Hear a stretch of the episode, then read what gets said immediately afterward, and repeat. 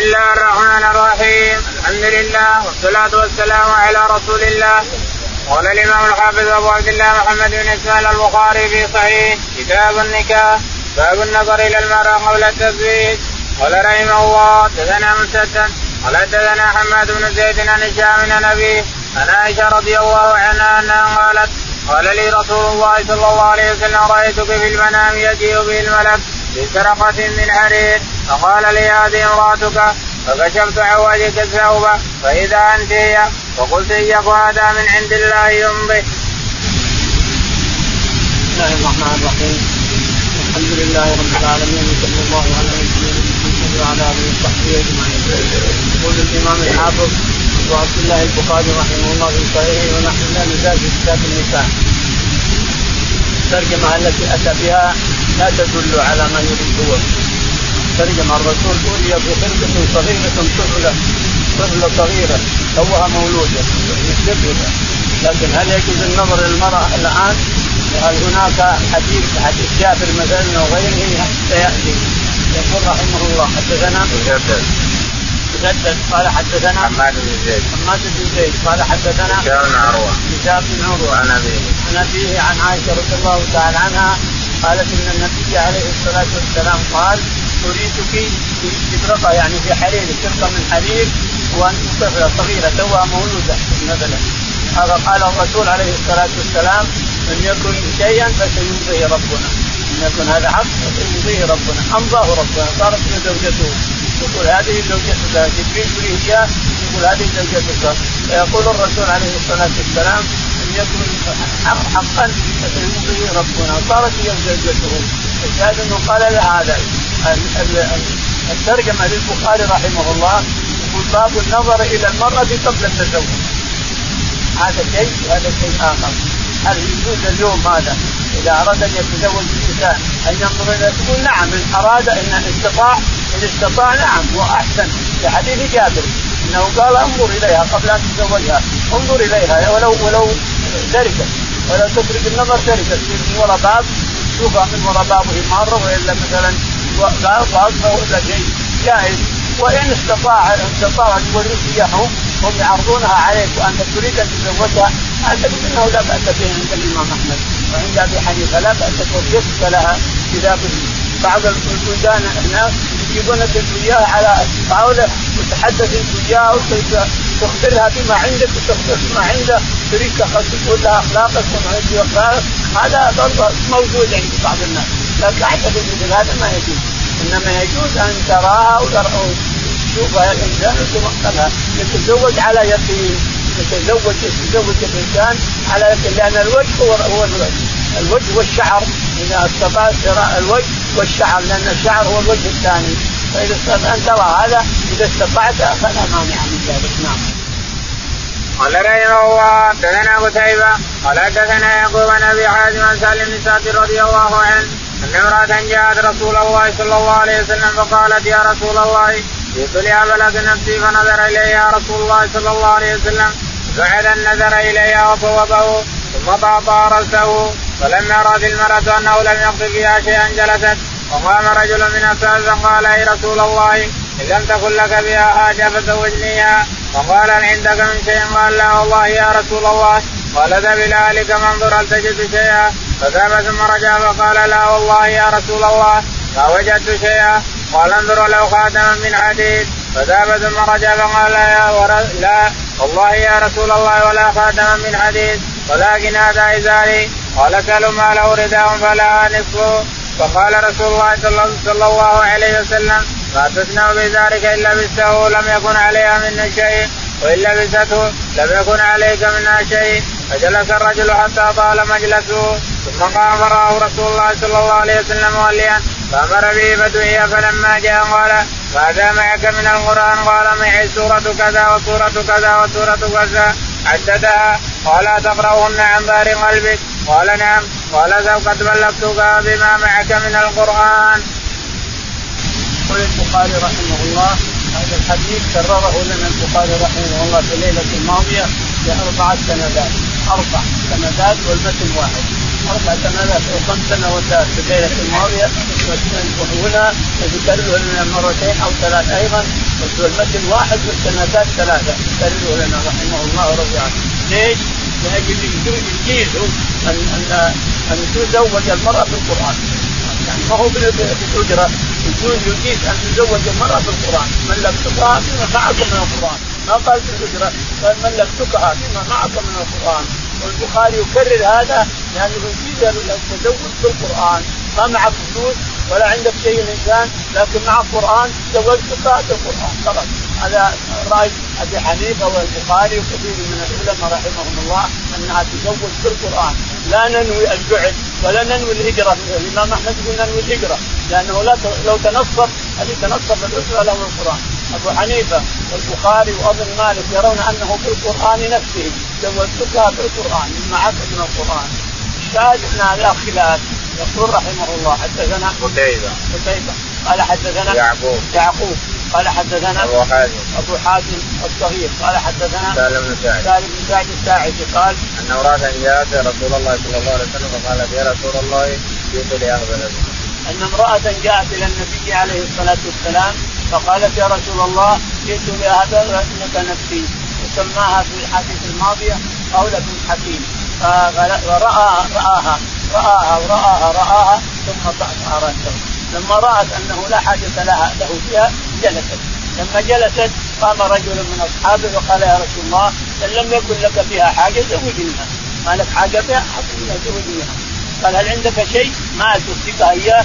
قال لا ما عندي شيء. رحت تلبس ولو خاتم من حديد انظر الصداق تعالى الصداق ولو خاتم من حديد تلبسه تنتهي يوم مات ثم مات يسوى ثلاثة قرون يسوى ثلاثة قرون لكن وامرأة تزوجت بمدن أعطاها مدن تتزوجها حتى بالمدن قال أهون الصداق هو أبرد أبرد الصداق أهونها والشاعر راح التمس ما وجد شيء قال عندي إزاري قال لا إزارك ما يطلع لأن نصبت له عقل تغطيت به ما ما يجي عليك ولا يجي عليها لا ثم جلس. لما جلس وطال جلوسه قام. لما ولى دعاه الرسول عليه الصلاة والسلام. قال هل تقرأ شيء من القرآن؟ قال نعم يا رسول الله. سمى سورة كذا وسوره كذا وسوره كذا. عن ظهر غيب؟ قال نعم عن ظهر غيب. اذهب قد ملكتك إياها. بما معك من القرآن. اذهب فقد ملكتك إياها زوجتك إياها بما معك من القرآن. البخاري رحمه الله يكرر السندات على متن واحد على أن الرسول زوجه بالقرآن لا باجره القرآن نعم. باب من قال لا نكاح إلا بولي قول الله تعالى فلا تعطلوهن ودخل فيه السيب وكذلك البكر وقال ولا تنكحوا المشركات حتى يؤمنوا وقال وانكحوا الأيام منكم. يقول البخاري رحمه الله باب قوله قول الله تعالى فلا تعضلوهن لا تعضلوهن أن ينكحن أزواجهن إذا تراضوا. يعني لا نكاح إلا بولي. حديث لا نكاح إلا بولي وشاهدي. عدل هذا الحديث اللي في سنة أبي داود والنسائي. لا نكاح إلا بولي وشاهدي. عدل فلا بد من الولي ولا بد من شاهدي العدل. أبو حنيفة ما يشترط الولي ومالك ما يشترط الشهود. في اختلاف بينهم. أما الشافعي وأحمد فيرون أنه لا نكاح. لا ينعقد النكاح اطلاقا إلا بولي وشاهدي عدل تزوج نفسها ما يمكن. ما في شهود ما يمكن. ليش؟ لأن الشهود يضبطون الاجل التاريخ. الشهود إذا جبتم الإنسان عقدت عقدتهم موجودين. فلان وفلان. يشهدون على عقد زوجتك يا فلان بنتي. أو زوجتك أختي. زوجتك قال قبلت هذا النكاح. فلان يشهد وفلان يشهد. كتبنا عقد عليهما متى ما اختلفا.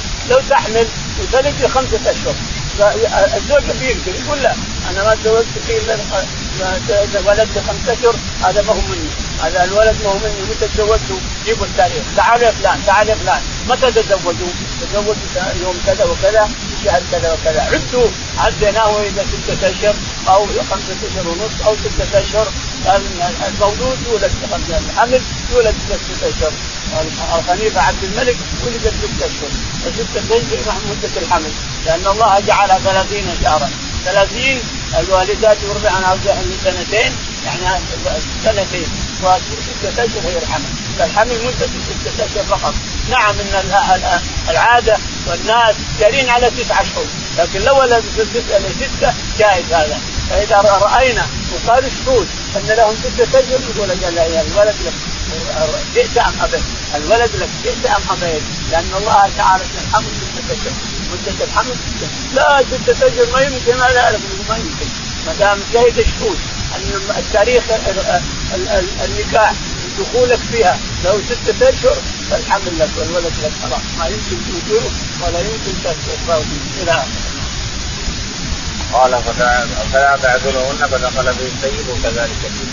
يقول فلا تعذلوهن أن ينكحن أزواجهن. دخلت السيد ودخلت البكر فالسيد تستاذن والبكر تستامر فلانه فلان يخطبك. قال كيف ما تستحي؟ هي استحت وسكتت خلاص مو بما هو ورضاها إذا سكتت وصمتت فيها رضاها؟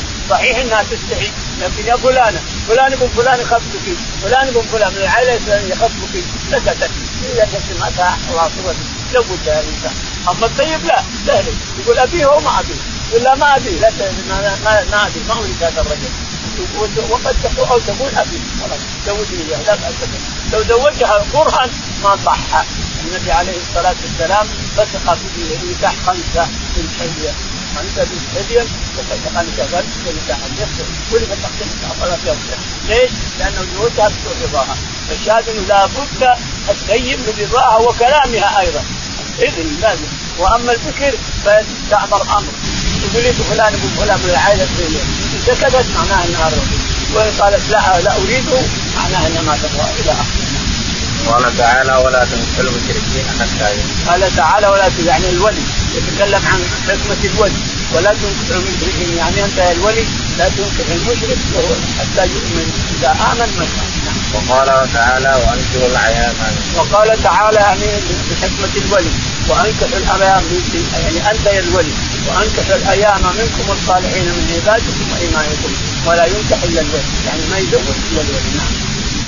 قال رحمه الله حدثنا يحيى بن سليمان قال حدثنا ابن وهب بن يونس قال حدثنا أحمد بن صالح قال حدثنا انبسا قال حدثنا يونس عن ابن شهاب قال أخبرني عروة بن الزبير أن عائشة زوج النبي صلى الله عليه وسلم رضي الله عنها أخبرته أن النكاح في الجاهلية كان على أربعة أنحاء فنكاح منها نكاح الناس اليوم يطلب الرجل إلى الرجل وليته أو ابنته فيسبقها ثم ينكحها ونكاح آخر كان الرجل يقول لامرأته إذا طهرت من ضمها أرسلي إلى فلان فاستودعي منه ويعتزلها زوجها ولا يمسها أبدا حتى يتبين حملها من ذلك الرجل الذي يستودع منه. فإذا تبين حملها أصابها زوجها إذا احبه وإنما يفعل ذلك رغبة في نجابة الولد. فكان هذا النكاح نكاح الاستبضاع ونكاح آخر يجتمع الرهط ما دون العشرة فيجتمعون على المرأة كلهم تصيبها إذا فاذا حملت ووضعت ومر عليها ليالي بعد أن تضع حولها أرسلت إليهم فلم يستطع رجل منهم أن يستمنع حتى يجتمعوا عندها. تقول لهم قد عرفتم الذي كان من امركم وقد ولدت فهو ابنك يا فلان. تسمي من أحبت باسمه فيلحق به ولدها. لا يستطيع أن يمتنع به الرجل. والنكاح الرابع يجتمع الناس الكثير فيدخلون على المرأة. لا تمتنع ممن جاء وهن البقايا. كن ينصبن على أبوابهن رايات تكون علما فمن أرادهن دخل عليهن فإذا حملت احداهن وضعت حملها جميعوا لها ودعوا لهم القافه ثم ألحقوا ولدها بالذي يرونه فالتاط به ودعي ابنه لا يمتنع من ذلك فلما بعث محمد صلى الله عليه وسلم بالحق هدم نكاح الجاهلية كله إلا نكاح الناس اليوم. يقول البخاري رحمه الله باب من قال لا نكاح الا قال لا نكاح الا بولي يقول البخاري رحمه الله ان انكحت العرب اولا الكفار على اربعه اوجه نكاح مثل نكاحنا اليوم بولي وزوج وشهود مثل النكاح اليوم مثلها ورثوه من من قرأ الكتب ورثوه من التوراة والإنجيل من الورقة من ورقة قرأوا الكتب وعرفوا الأنكحة الإسلامية وهم على هذا هذا هذا بعض العرب بعض قريش اللي في مكة وبعض العرب كلهم. ونكاح. آخر كان الرجل يقول لامرأته إذا كبرت من خلفها ونكاح. كان الرجل إذا رأى كريما أو شجاعا فاستبطعي منه. تدعيه خليه يتجامع فتستدعي هذا الرجل الشجاع أو هذا الرجل الكريم فليستنفعها فإذا جمعها وأنزل المني في رحمها جمعها زوجها. فتحمل وتجيب ولد مثل ذاك بإذن الله. الله شجاع والا كريم مثله وهذا قصده وبولده يصير مثل الشجاع. شجاع مثل الشجاع. أو كريم مثل الكريم إلى آخره. النكاح الثالث أن يلم بها ناس كثيرين. يلم بها عالم كثير ويطونها. فإذا ولدت ألحقت ولدها هي بنفسها جمعتهم ثم ألحقتها بمن من هؤلاء اجتمعوا عليهم تلحق بهم. النكاح الرابع أن يلم بها كثير من الناس فيؤتى فاذا ولدت جاءت القافه والحقته القافه بمن يريدون ويلحقه لا يمتنع عن هذا كله. كل هذا أنكحة باطله جاءت الشريعة وأبطلت هذا كله وأثبتت النكاح الأول وهو لا نكاح إلا بولي وشاهدي عهد الزوج الولي والزوج وشاهدين وشاهدي عدل ولي زوج وشاهدي عدل لا نكاح إلا بولي وشاهدي عدل يعني عندك ولي عندك زوج وعندك شهود اثنين. يشهدون على التاريخ الذي دخلت المرأة أو دخل الرجل على المرأة. النكاح الرابع قلنا البغايا. النكاح الرابع هي البغايا قلت أنا. من البغايا ينصبن رايات على أبوابهن كل من أرادها دخلوا برحاكم الصلاه لكن إذا ولدت ولي القافه فليس بمن ارادت القافه ان تنتصر. هذا تخاصم مع سعد بن أبي وقاص. اخوه حسبه وابن جمعه تخاصموا على ولد مولود. قال هذا والولد ولد على فراش ابوه يقول جمعه ابن جمعه سعد يقول له أخوي يسمى بها وأوصاني أنه ولده. وأري النبي عليه الصلاة والسلام قال الشبه بينا واضحا في غزوه بن أبي وقاص.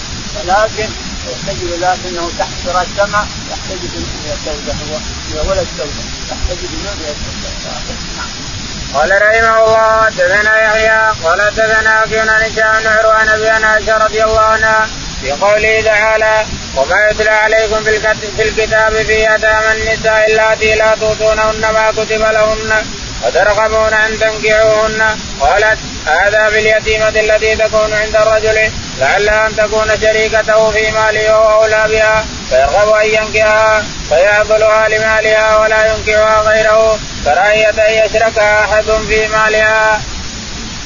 يقول البخاري رحمه الله حدثنا يحيى. يحيى قال حدثنا وكيع. وكيع قال حدثنا هشام بن عروة. هشام بن عروة عن أبيه. عن عائشه عن عائشة. انها أنها قالت إن الله تعالى قال وما يتلى عليكم في وما يتلى عليكم في كتاب يتامى النساء اللاتي لا تؤتون اجورهن وترغبون أن تنكحوهن. تقول عائشة رضي الله عنها هذه اليتيمة تكون من عمها وعمه الأعلى مات وورث مال خلف مال لها ربع لها سدس ولها سدسين هي لها واحد وله اثنين سهمين لكنها شريكة شريكة ومع هذا جمال باهر مع هذا جمالها باهر. إيش يسوي ابن عمها؟ يحجرها يقول لا ما تزوجين إلا أنا. يعني شريكتي في المال وأنت جميلة ما يمكن أن هذا نهى الله تعالى وتقدس هذا الشخص أن يتزوج هذه المرأة إلا بصداق كامل. فيها صداق كامل لأنها يتيمة مرحبا. ما فيها صداق كامل ما يمكن أن تتزوج تزوج غير اربعه لكن هذه ما تزوجها. علشان مالها وجمالها تحبسها ولا تعطيها صداق ما يمكن. إلى آخره. الشاهد أن الله نهاهم عن هذا. قال رحمه الله حدثنا أبو بن محمد قال حدثنا هشام قال أخبرنا معمر عن الزهري قال أخبرني سالم أن ابن عمر رضي الله عنهما أخبره أن عمر رضي الله عنه إن تيمت حفصه بنت عمر رضي الله عنهما من ابن عذابة السامي وكان من أصحاب النبي صلى الله عليه وسلم من أهل بدر توفي بالمدينة فقال عمر لقيت عثمان بن عفان رضي الله عنه فاردت عليه فقلت إن شئت انكعتك حفصه فقال سأنظر في أمري فلبثت ليالي ثم لقيني فقال بدا لي أن لا أتزوج يومي هذا. قال عمر فلقيت ابا بكر فقلت إن شئت انكحتك حفصه. يقول البخاري رحمه الله باب تابع تابع يقول عرض لا نكاح إلا بولي لا نكاح إلا بولي حدثنا عبد الله بن محمد. عبد الله بن محمد. قال حدثنا هشام هشام قال حدثنا معمر. معمر. عن الزهري. عن الزهري عن قال سالم بن عمر عن سالم عن ابن عمر. أن عمر رضي الله تعالى عنه لما تأيمت حفصه ابنته من حنين حنين من عباد الثاني قال عرضها على عثمان. يوم تعدت يوم خرجت من عدة الميت عرضها على عثمان. وعثمان راى أن الرسول ذكرها أو أنه يريدها أو هناك اشاره أو رمز من الرسول عليه الصلاة والسلام أنه يريد أن يخطبها فقال له لا أريد الزواج عليه. سكت وبعد قال السنة على الأيام هذه ما عندي طالب الزواج. عرض على بكر ولم يرد شيئا. يقول فجزعت على أكثر من جزائي على عثمان. ما أخذ أيام قليلة فقطها الرسول عليه الصلاة والسلام وتزوجها. قال عثمان له الرسول قد عرضها ولا يريد ان سره. وقال أبو بكر كذلك. ما رددت عليك لأني سمعت الرسول يذكرها فلم أريد أن سر الرسول. قد زوجها الرسول عليه الصلاة والسلام من زوجاته في الحياة والموت. قال رحمه الله حدثنا أحمد بن أبي عمر قال حدثنا أبي قال حدثني إبراهيم يونس عن الحسن فلا في قوله تعالى فلا تعقلوهن قال حدثني معجل يسار انها نزلت فيه.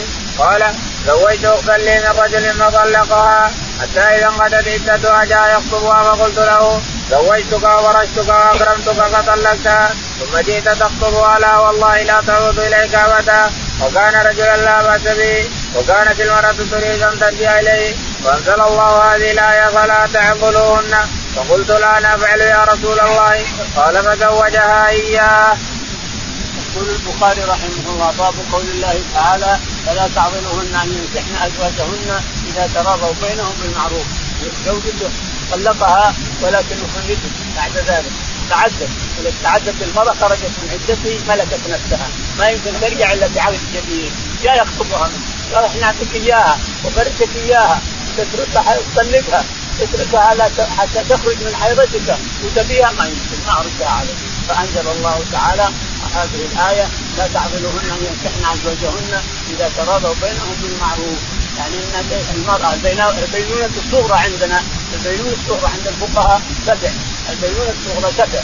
اولا أنها تخرج من عدتك يا الانسان وتغتسل خلاص تحل الناس وانت ما تحل إلا بعقد جديد.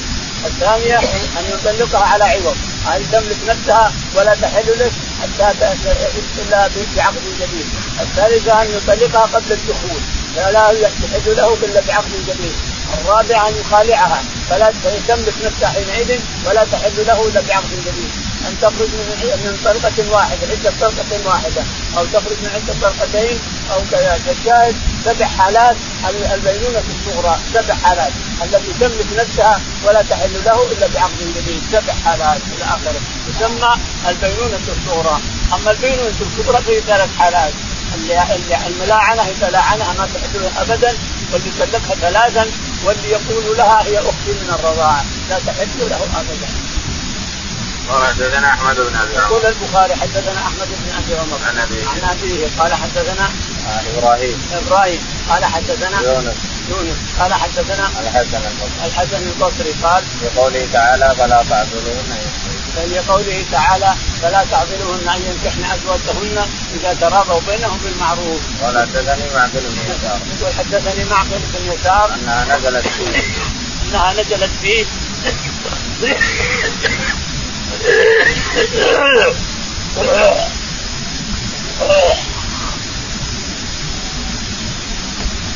يقول ان نزلت فيه فلما تزوجه إياها وجلست عنده مدة ثم بعد ذلك طلقها تركها حتى حاضت ثلاث حيض واغتسلت إذا اغتسلت من الحيضة الثالثة خلاص حرمت عليه وحلت الازواج الثانية ما دام ما اغتسلت ما تحرم عليه. ما دام المرأة ما اغتسلت بعد الحيضة حاضت الحيضة الثالثة وطهرت منها لكنها ما اغتسلت ما تحرم على زوجها حتى يغتسل تغتسل.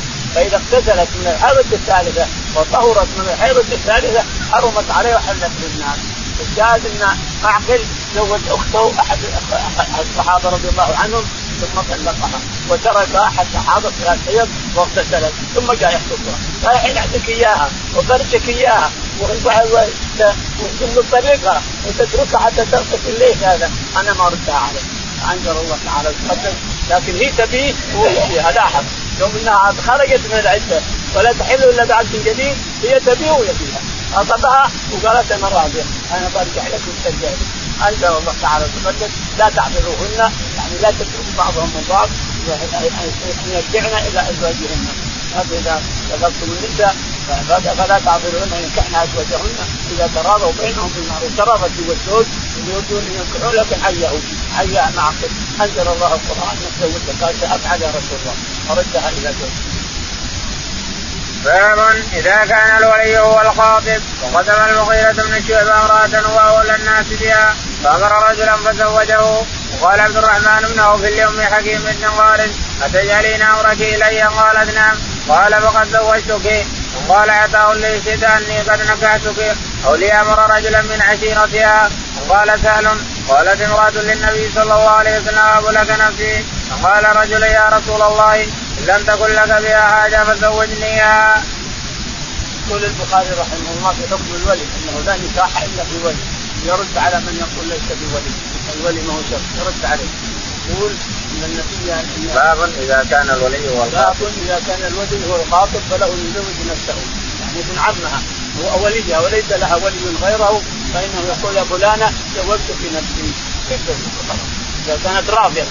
قال يا فلانة أنا بتزوجك راضية؟ قالت نعم. قال زوجتك نفسك. خلاص. لأنه هو ولي أمرها. زوجتك نفسك. خلاص. زوجتك نفسي. فتزوجها كذلك المغيرة بن شعبة. كان ولي امرأة هو أقرب الناس إليها. ما هو وليها؟ ولد عمها أقرب الناس إليها. يا العم. يعني ولد عمها لكن بعيد قام وكل واحد. هو وليها وكل واحد في ولايته يزوجه إياها. إلى آخره. جائز. ان تكون الانسان ولي ولي للمرأة وتزوجها. تولي أمرها أنت وتزوجها نفسك إذا رضيت جائز ذلك. وقال عبد الرحمن بن عوف لأم حكيم بن طالب فتجعلين امرك إلي. قالت نعم قال قد وقال عبد الرحمن بن بن عوف. بن عوف. لأم بن حكيم بنت عمه. قال تجعل امرك الي قالت نعم. قال زوجتك نفسي وقال عطاء ليشهد أني قد قال عطى ليشهد انها يشهد عليها انها انه تزوجها احسن أو ليامر رجلا من عشيرته ليشهد اني قد نكحت أو ليامر رجلا من عشيرته يشهد انه نكحها أو يولي أمر امرها أمر تزويجها له واحد من قرابته. ما يحتاج اذا قال زوجت لكن يشهد نعم. الافضل أن يشهد يجيب واحد أو اثنين يا فلان. اتزوج فلان زوجتك نفسك يا فلان يشهد ولو واحد. قال رحمه الله حدثنا ابن سلام قال أخبرنا أبو معاوية قال حدثنا هشام نبي عائشة رضي الله عنها في قوله تعالى ويستفتونك بالنساء قل الله يفتيكم فيهن إلى آخر الآية قالت هي اليتيمة تكون في حجر الرجل قد تركت في ماله فيرغب عنها أن يتزوجها ويكره أن يزوجها غيره. ويدخل عليها في ماله فيحبسها. فنهاهم الله عن ذلك. يقول البخاري رحمه الله حدثنا محمد بن سلام محمد بن سلام بن كندي قال حدثنا أبو معاوية. أبو معاوية الضرير قال حدثنا هشام بن عروة. هشام بن عروة. عن أبيه. عن أبيه عروة بن الزبير. عن عائشة. عن عائشة رضي الله تعالى عنها قال في قوله تعالى ويستفتونك في النساء قل الله في قوله تعالى ويستفتونك في النساء اخر النساء قال قال قل الله يمسككم بهن وفي يدخل عليكم في يتامى النساء. إلى آخر الآية. قال قالت هي اليتيمة تكون في حجر الرجل هي اليتيمة تكون في حجر الرجل يعجبه جمالها ومالها. عمهم الأعلى واحد والمال واحد هي وياه لها سهم وله سهمان ويريد أن يحتضنها لنفسه. يزوجها نفسه ويحفظ من المال والجمال. فنهى الله تعالى تقدس هؤلاء إلا أن يعطيها صداقها كاملا. نعم قال رحمه الله حدثنا أحمد بن المقدام قال حدثنا فضيل بن سليمان قال حدثنا أبو حازم قال حدثنا سهل بن سعد رضي الله عنه قال كنا عند النبي صلى الله عليه وسلم جلوسا فجاءت امرأة تعرف نفسها عليه فخفض فيها النظر ورفعه. فلم يردها. فقال رجل من اصحابه زوجنيها يا رسول الله قال عندك من شيء؟ قال ما عندي من شيء. قال ولا خاتما من حديد قال ولا خاتم من حديد ولكن أشق بردتي هذه فأعطيها النصف وأخذ النصف. قال هل معك من القرآن شيء؟ قال نعم. قال فقد زوجتك بما معك من القرآن. يقول البخاري رحمه الله. حدثنا أحمد بن المقدام. أحمد بن المقدام. قال حدثنا فضيل بن سليمان. فضيل بن سليمان.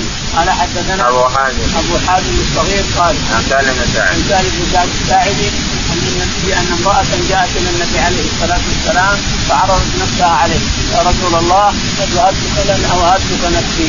فنظر إليها فصعد النظر وطأطأ ثم أنزل رأسه. فلما رأت أنه لم يصبها حاجة جلست فقام رجل من أصحابه يا رسول الله إن لم يكن لك فيها حاجة أعطني إياها ملكني إياها. قال هل عندك شيء؟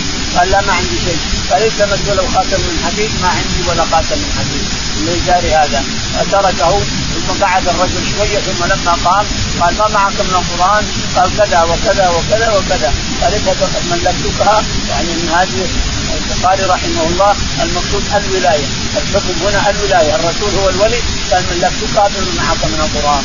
يعني زوجتك بما يعني هو وليها. الرسول ولي كل الناس ذلك اليوم. فكذلك الولي. إذا قالتها زوجتك خلاص يعني لازم من الولاية.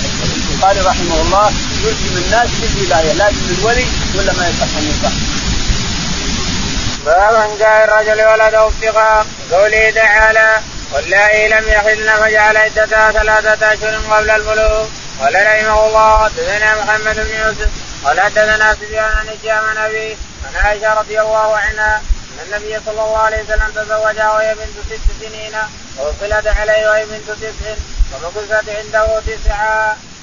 يقول البخاري رحمه الله باب تزوج ثلاث أشهر لأن لمن تحل ثلاث أشهر والآية من الحمل عدة ثلاث أشهر الشاهد أن العدة التي حاضت تسع تسع قد يأتيها الحيض تسع سنوات يأتيها الحيض ثم عشر يأتيها الحيض ثم 11 12 يأتيها الحيض ولهذا لو تزوج ابو عشر سنوات من الرجال على من تسع سنوات وحملت المولود له المولود له منها إلى آخره.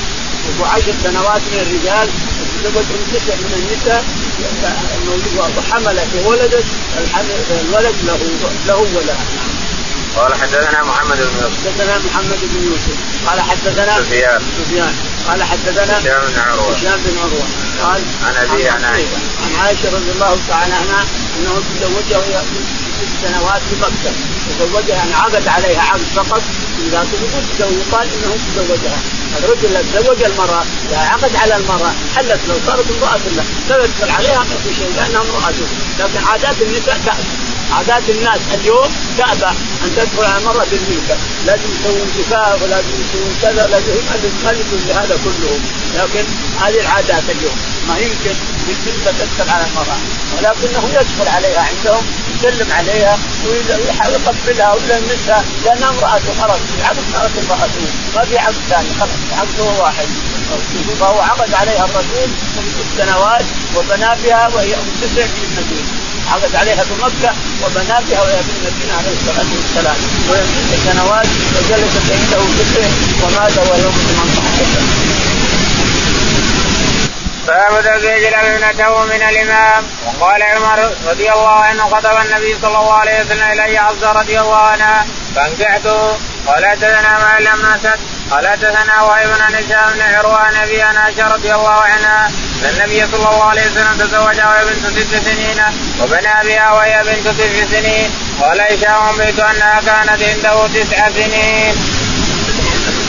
يقول البخاري رحمه الله باب تزويج الرجل الامام يعني مثل عمر بن الخطاب زوج حفصة الرسول عليه الصلاة والسلام.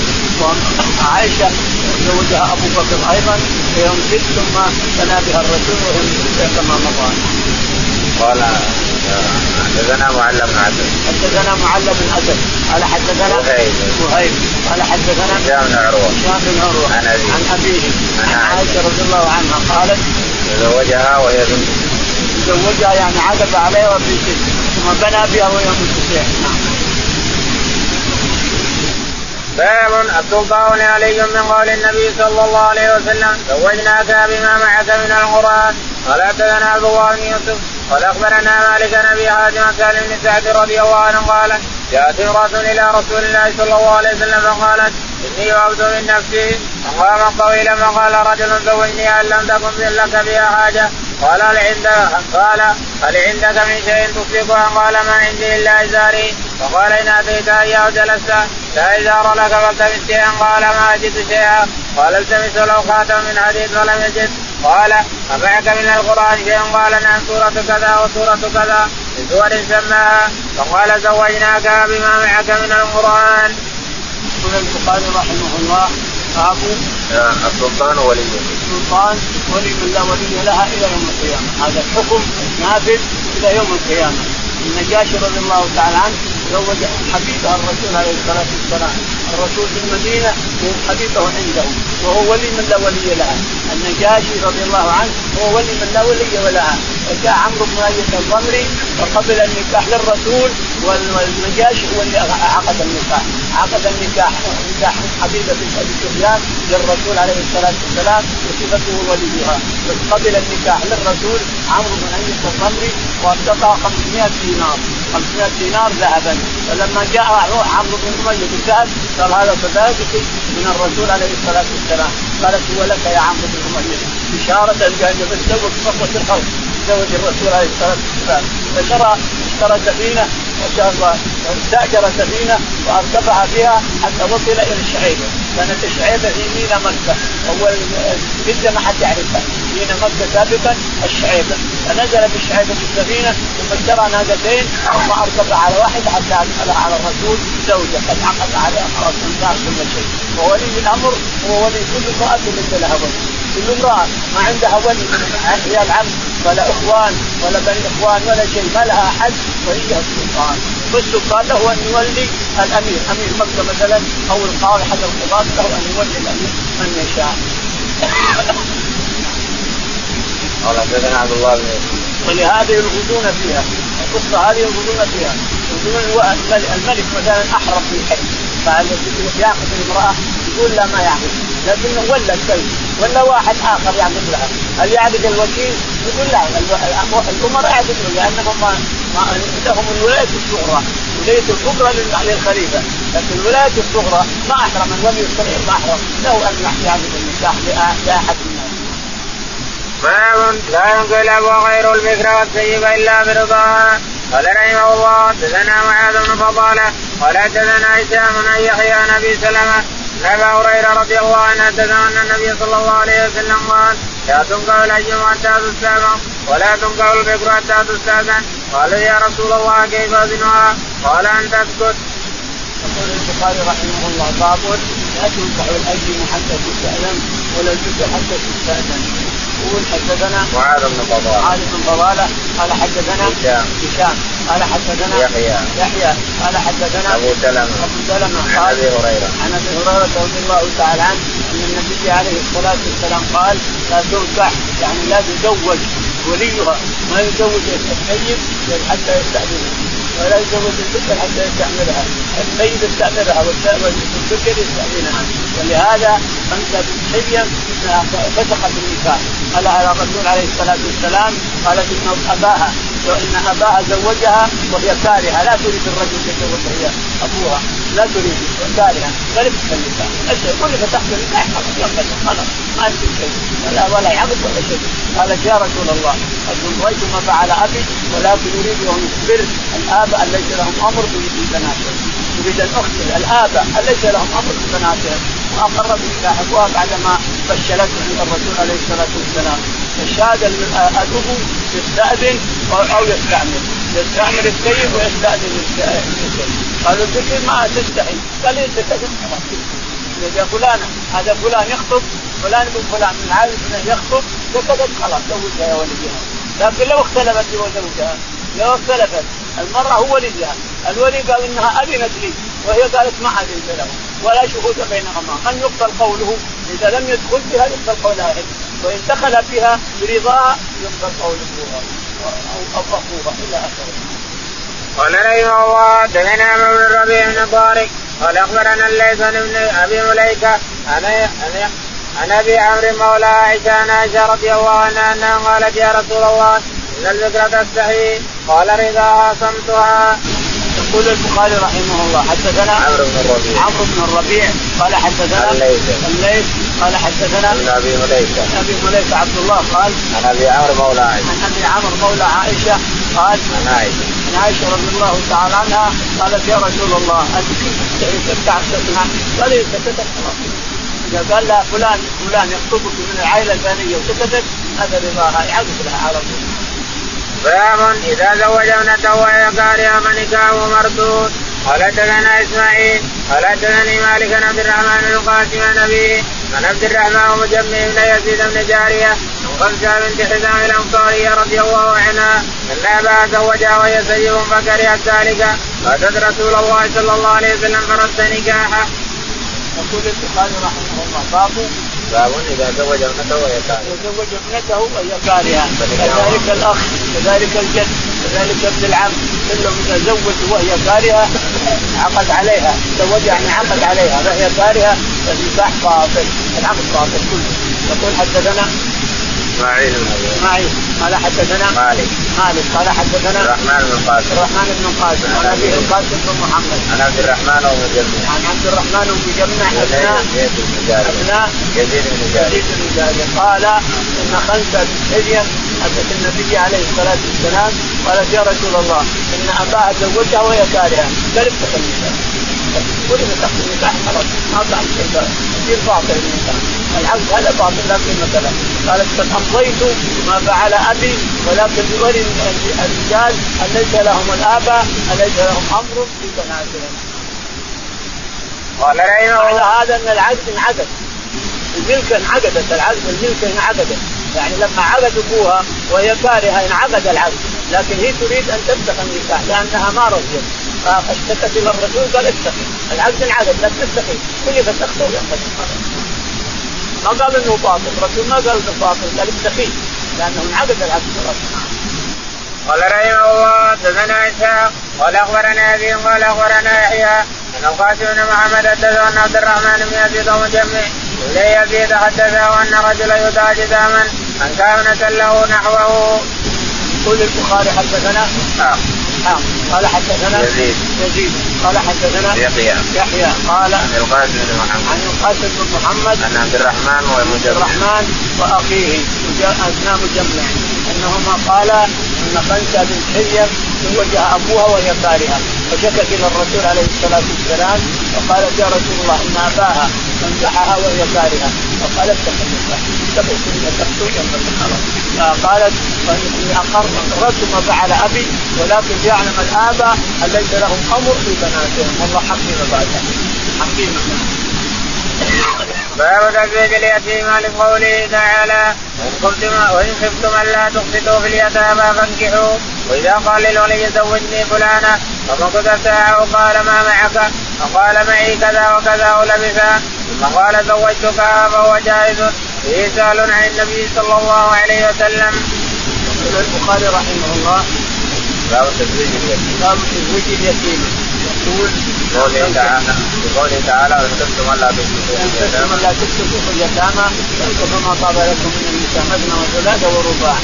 كذلك إذا قال الولي زوجتك يا فلان ابنتي ثم سكت الزوج سكت ساعة أو ساعتين مثلا ثم قال قبلت هذا الزواج. يصح؟ يقول يصح. لأن الرسول سكت قال رسول الله زوجنيها قال سكت الرسول عليه الصلاة والسلام قال زوجناك قال بما معك من القرآن. يعني إنك أوجبت النكاح للنساء لهذا الرجل ولكنه سكت. مدة ثم قال قبلت النكاح. هل يصح؟ يقول نعم يصح. قبل ما ما لم يفرق بينهما شيء مثلا يقوم هذا ويروح أو يقوم هذا ويروح فإنه لا يصح يتفرق الإيجاب والقبول تفرقا الاثنين فراقا طويلا ما صح فإذا كان الإيجاب والقبول الفرقة هي ساعة أو أقل من ساعة أو لشغل انشغل واحد منهم ثم أوجب لا بأس بذلك. قال رحمه الله أبو اليمان قال أخبرنا شعيب عن الزهري وقال الليث عن ابن شهاب قال أخبرني عروة بن الزبير أنه سأل عائشة رضي الله عنها قال لا يا امتا وإن خفتم الا تقسطوا في اليتامى إلى ما ملكت أيمانكم. قالت عائشة يا ابن أختي هذه يتيمه تكون في اجر وليها فيخاف في جمالها ومالها ويريد أن ينتقص من صداقها فنهوا عن نكاحهن إلا أن يقسطوا لهن في إكمال الصداق وأمروا بنكاح من سواهن من النساء. قالت عائشة استفتى الناس رسول الله صلى الله عليه وسلم بعد ذلك. أنزل الله يستفتونك بالنساء لا وترغبون.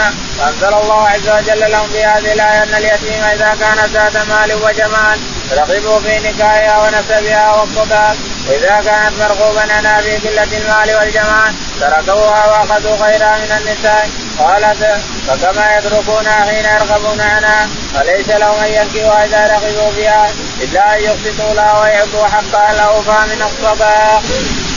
البخاري رحمه الله. باب تابع للوجه حدثنا. قال حدثنا أبو اليمان. أبو اليمان. قال حدثنا شعيب بن شعيب عن الزهري. عن وقال ليس تعليقا حدثني عقيل. وقال الليل حدثني عقيل. عن عن الزهري. عن ابن أبي مليكه قال عن عروة عن عائشة. عن عروة عن عائشة رضي الله تعالى عنها سألها عن الآية ترغبون أن تنكحون وإن خفتم الا تسقطوا في اليتامى. ولا تسقطوا في اليتامى تنكحوا ما طاب لكم من النساء مثنى وثلاث ويستفتونك عن النساء قل الله يفتيكم فيهن هذه مثلا في المرأة تكون جميله جميلة وعندها مال يرغب وليها بابن عمها هو وليها يرغب بها لكن ما يعطيها صداق نهوا عن هذا ما يصير. ما أن بنت عمك الفقيرة المسكينة اللي هي جميلة ما تنكحها كذلك ما تنكحها نهوا عن هذا وهذا كله. اللهم اهدنا فيمن هديت وعافنا فيمن عافيت وتولنا فيمن توليت. اللهم توفنا مسلمين قال حسن